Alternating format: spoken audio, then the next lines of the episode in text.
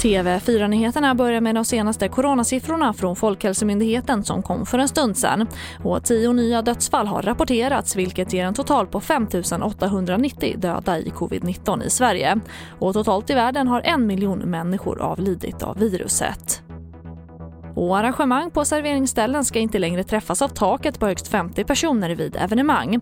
Det betyder att samma verksamhet inte behöver förhålla sig till olika regelverk. Det sa kultur och demokratiminister Amanda Lind idag.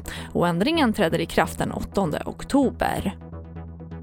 Och tidigare idag la SDs partiledare Jimmy Åkesson fram nya förslag för att få bukt med kriminaliteten. SD vill lägga 36 miljarder på att öka tryggheten. Bland annat vill de ge lön till den som går polisutbildning, ha statliga vakter och fler platser på landets anstalter. Och den 77-åriga man som låg bakom giftskandalen i Hovslätt i Jönköping döms till ett och ett halvt års fängelse för grovt miljöbrott och att betala skadestånd på 300 000 kronor, det rapporterar SR.